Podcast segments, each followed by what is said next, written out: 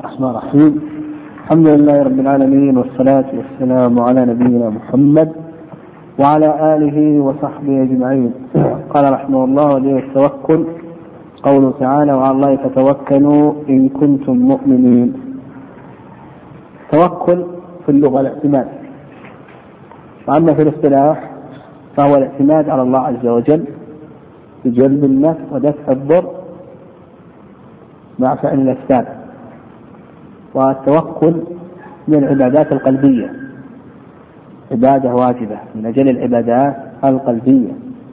واستدل المؤلف رحمه الله على أنه عبادة بقوله سبحانه وتعالى وعلى الله فتوكلوا إن كنتم مؤمنين فإن هذه شرطية فجعل الله عز وجل التوكل على الله شرطا في الإيمان.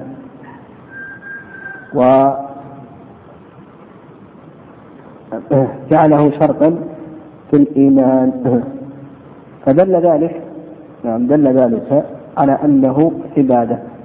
وأيضا قوله ومن يتوكل على الله فهو حسبه. أي حسبه يعني كافيه فإذا صدق العبد في توكله على الله عز وجل فإن الله يكفيه ما أهمه من أمر الدنيا والآخرة. وهذا الجزاء إنما يكون على عبادة. على عبادة. واعلم أن التوكل ينقسم إلى أقسام. التوكل نقول بأنه ينقسم إلى أقسام. القسم الأول توكل العبادة. أو نقول بذلك القسم الأول التوكل على الله عز وجل. التوكل على الله عز وجل. وذلك بأن يفوض أمره إلى الله عز وجل ويعتمد عليه ويعلق قلبه بالله سبحانه وتعالى مع فعل الأسباب. فنقول بأن هذا وش حكمه؟ هذا عبادة من أجل العبادات وهو عبادة واجبة. ولا يتم الإيمان إلا بذلك. لأنه كما تقدم لنا أن الله عز وجل جعل التوكل شرطا في الإيمان. القسم الثاني توكل العبادة وهو الاعتماد المطلق على المتوكل عليه. الاعتماد المطلق على المتوكل عليه بحيث يعتقد أن المتوكل عليه بيده جلب النفع ودفع الضر. يعتقد أن المتوكل عليه بيده جلب النفع ودفع الضر. وهذا حكمه صرفه لغير الله شرك شرك أكبر. إنما هو خاص بالله عز وجل. القسم الثالث التوكل على الميت.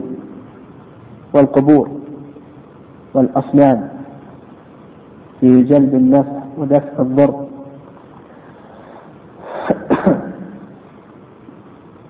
فهذا نقول بأنه حكم هذا شرك أكبر.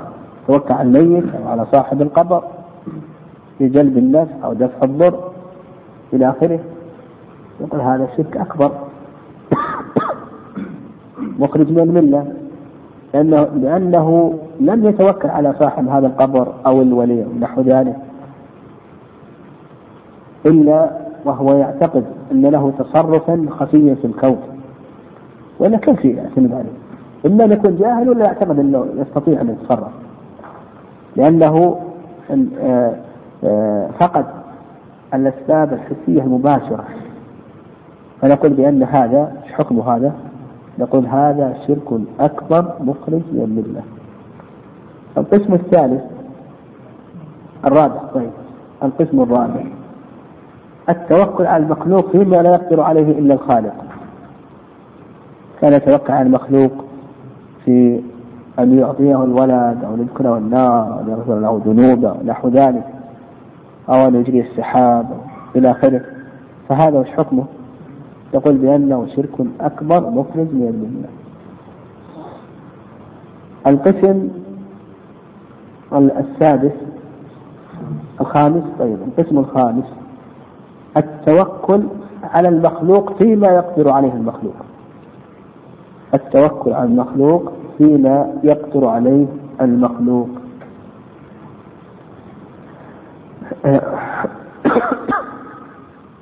مثل أن يتوكل على من أقدره الله عز وجل على رزقه.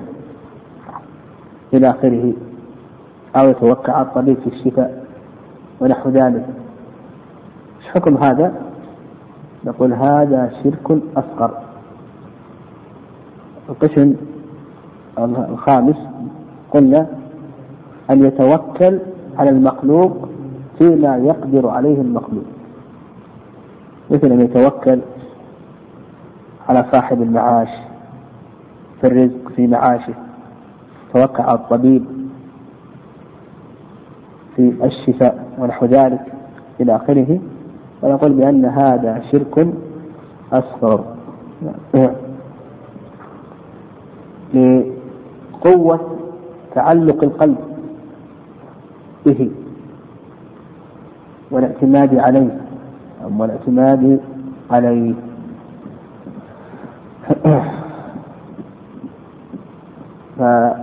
فتجد أن قلبه تعلقه يقوى به ويعتمد عليه ويلتفت إليه إلى آخره فنقول كونه يتوكل على هذا السبب ولو كان سببا صحيحا فهذا من الشرك الأصغر. أما إذا لم يتوكل عليه وإنما اعتقد أنه مجرد سبب وأن الذي بيده النفع والضر هو الله عز وجل وعلق قلبه بالله عز وجل إلى آخره. فنقول بأن هذا هذا لا بأس به. هناك قسم بعض العلماء يجعله من هذه الأقسام بعض العلماء يقول لا أصلا غير داخل. الوكالة وهو أن يريد شخصا فيما يدخله النيابة. أن أن ينيب شخصا في عمل تدخله النيابة. أن ينيب شخصا في عمل تدخله النيابة. فهذا جائز ولا بأس به. كان توكل شخص أن يبيع سيارتك أو أن يبيع بيتك ونحو ذلك. فنقول بأن هذا حكمه جائز ولا بأس به. هذا جائز ولا بأس به.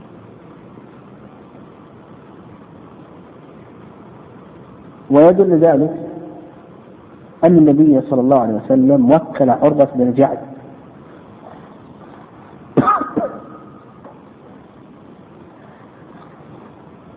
النبي عليه الصلاة والسلام وكل عروة بن الجعد أن يشتري له أضحية. ووكل علي بن أبي طالب بأن يذبح بقية هديه. قال ودليل الرغبة. الرغبة قيل في تفسيرها إنها السؤال والطلب والابتهال والتضرع. يعني الرغبة قيل في تفسيرها إنها السؤال والطلب والابتهال والتضرع.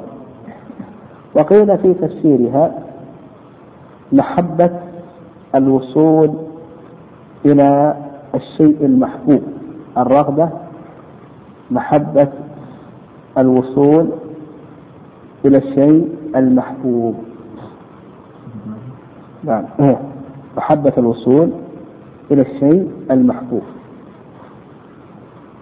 والرغبة هذه من العبادات.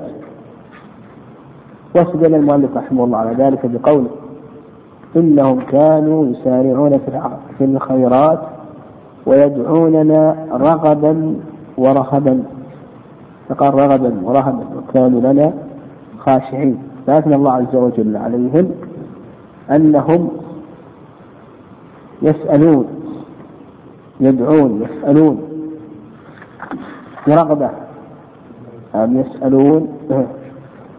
برغبة وطمع. وابتهال وتضرع إلى آخره. فهذه هذه عبادة. كونها سؤال مقرون بالتضرع طمع والابتهال تضرع إلى آخره. هذا دل على أنها عبادة من العبادات.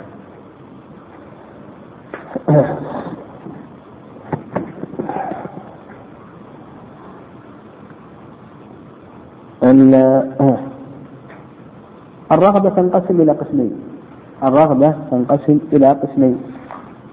القسم الأول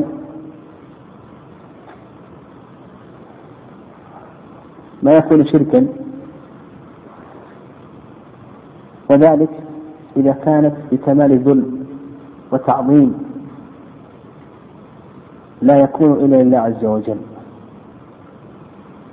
يقول إذا كانت بكمال ذل وتعظيم لا يكون إلا لله عز وجل فهذا من الشرك.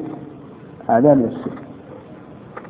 والقسم الثاني ما ليس شركا. يعني القسم الثاني ما ليس شركا. وإذا كانت مجرد رغبة لا يلحقها التضرع. والذل. إلى آخره. لا يلحقها التضرع والذل. والذل. قال والرهبة. يعني الرهبة.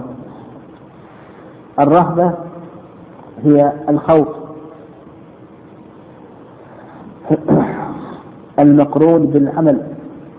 الرهبة هي الخوف المقرون بالعمل. يعني خوف مثمر. فهي خوف مقرون بعمل. فيخاف من الله عز وجل ويسارع في امتثال الأوامر واجتناب النواهي. فنقول بأن هذه الرهبة آه، نوع من أنواع العبادة. كما تقدم في قول الله عز وجل إنهم كانوا يسارعون في الخيرات ويدعون رغبا ورهبا وكانوا لنا خاشعين فقال رهبا أثنى الله عز وجل عليهم بأنهم يرهبون الله عز وجل. يدعون الله عز وجل مع الخوف. المقرون بالعمل. فهذا يدل على أنها عبادة لأن الله عز وجل أثنى عليهم في ذلك. والرهبة تقدم لنا أن الرهبة نوع من أنواع الخوف وتقدم لنا أن ذكرنا أقسام ماذا؟ ذكرنا أقسام الخوف وأن الخوف ينقسم إلى عدة أقسام كم الأقسام ذكرنا؟ ثمانية أو سبعة؟ سبعة أقسام نعم سبعة أقسام قال والخشوع الخشوع هو الذل والتطامن لعظمة الله عز وجل بحيث يستسلم لقضائه الكوني والقدري الذل والتطامن لعظمة الله عز وجل بحيث يستسلم لقضائه الكوني والقدري وفرق العلماء رحمهم الله بين الخضوع والخشوع. فقالوا بأن الخضوع يكون في البدن. وأما الخشوع فإنه يكون في القلب والبصر والصوت. الخشوع يكون في القلب والبصر والصوت. وأما الخضوع فإنه يكون في البدن. والخشوع عبادة من العبادات. يعني الخشوع عبادة من العبادات لأن الله عز وجل أثنى على هؤلاء الموصوفين بهذه الصفات بقوله إنهم كانوا يسارعون في الخيرات على هؤلاء الأنبياء الذين ذكرهم الله عز وجل فيما قبل ذلك من الآيات. فقال إنهم كانوا يسارعون في الخيرات ويدعون رغبا ورهبا وكانوا لنا خاشعين. فأثنى الله عز وجل عليهم بالخشوع لله عز وجل. وهذا هو الذل لله سبحانه وتعالى ونوع من أنواع العبادة. نوع من أنواع العبادة. والخشوع ينقسم إلى قسمين. الخشوع ينقسم إلى قسمين. القسم الأول منه ما هو شرك ومنه ما ليس شركا.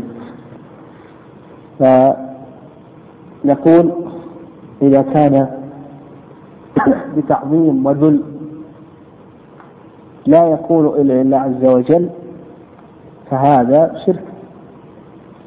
وإذا لم يكن فيه شيء من ذلك فإنه ليس شركا. قال ودليل الخشية قوله تعالى فلا تخشوهم واخشوني أيضا الخشية عبادة من العبادات. ودليل ذلك الدليل على أنها عبادة من العبادات. أن الله عز وجل أمر بأن تكون الخشية له وحده دون من سواه. والخشية هي الخوف المقرون بالعلم من المخشي يعني الخوف المقرون من العلم. أصبح عندنا خوف وعندنا رهبة وعندنا خشية. فالخشية الخوف المقرون بالعلم من المخشي ولهذا أثنى الله عز وجل على العلماء بقوله إنما يخشى الله من عباده العلماء. فالعلماء العالمون بأسمائه وصفاته سبحانه وتعالى هم الذين يخشونه. فالخشية الخوف المقرون بالعلم يعني يخاف من الله عز وجل وهو يعلم عظمة الله ويعلم أسماءه وصفاته وحقوقه إلى آخره. والرهبة هي الخوف المقرون بأي شيء؟ بالعمل. والخشية والرهبة نوعان من أنواع الخوف. وعلى هذا ما تقدم من الأقسام السابقة. ما تقدم من الأقسام السابقة في الخوف هذه تأتي هنا تأتي هنا. قال ودليل الإنابة قوله تعالى وأنيبوا إلى ربكم وأسلموا له الإنابة في اللغة الرجوع. الإنابة في اللغة الرجوع. وأما في الاصطلاح فهي الرجوع إلى الله عز وجل بالقيام بطاعته واجتناب معصيته. وهي معنى من معاني التوبة. فالتوبة هي الرجوع إلى الله عز وجل بفعل الأوامر وترك النواهي. لكن الفرق بين الإنابة والتوبة أن الإنابة أرق من التوبة. والفرق بين الإنابة والتوبة أن الإنابة أرق من التوبة لما تشعر به من الاعتماد على الله عز وجل واللجوء إليه فهو يتوب إلى الله عز وجل ينيب إليه مع وجود الذل والانكسار والرقة. هذا هو الفرق. فالإنابة نوع من أنواع التوبة إلا أنها مصحوبة بأي شيء بنوع من الذل والرقة والانكسار وغير ذلك. والإنابة كما ذكر الشيخ رحمه الله نوع من أنواع العبادة لأن الله عز وجل قال وأنيبوا إلى ربكم وأسلموا له. فأمر بالتوبة والإنابة والرجوع إلى الله سبحانه وتعالى. وعلى هذا نقول بأن الإنابة تنقسم إلى قسمين منها ما هو شرك ومنها ما ليس بشرك. فالإنابة التي تكون عبادة صرفها لغير الله عز وجل شرك. يعني الرجوع عن المعاصي وفعل الأوامر إذا كان لغير الله عز وجل فهذا شرك. هذا شرك. ومنها ما ليس شركا إذا لم يكن عبادة.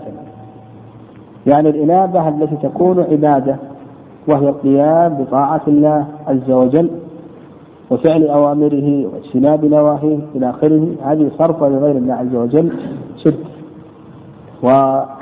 ما عدا ذلك نقول بأنه ليس شركا.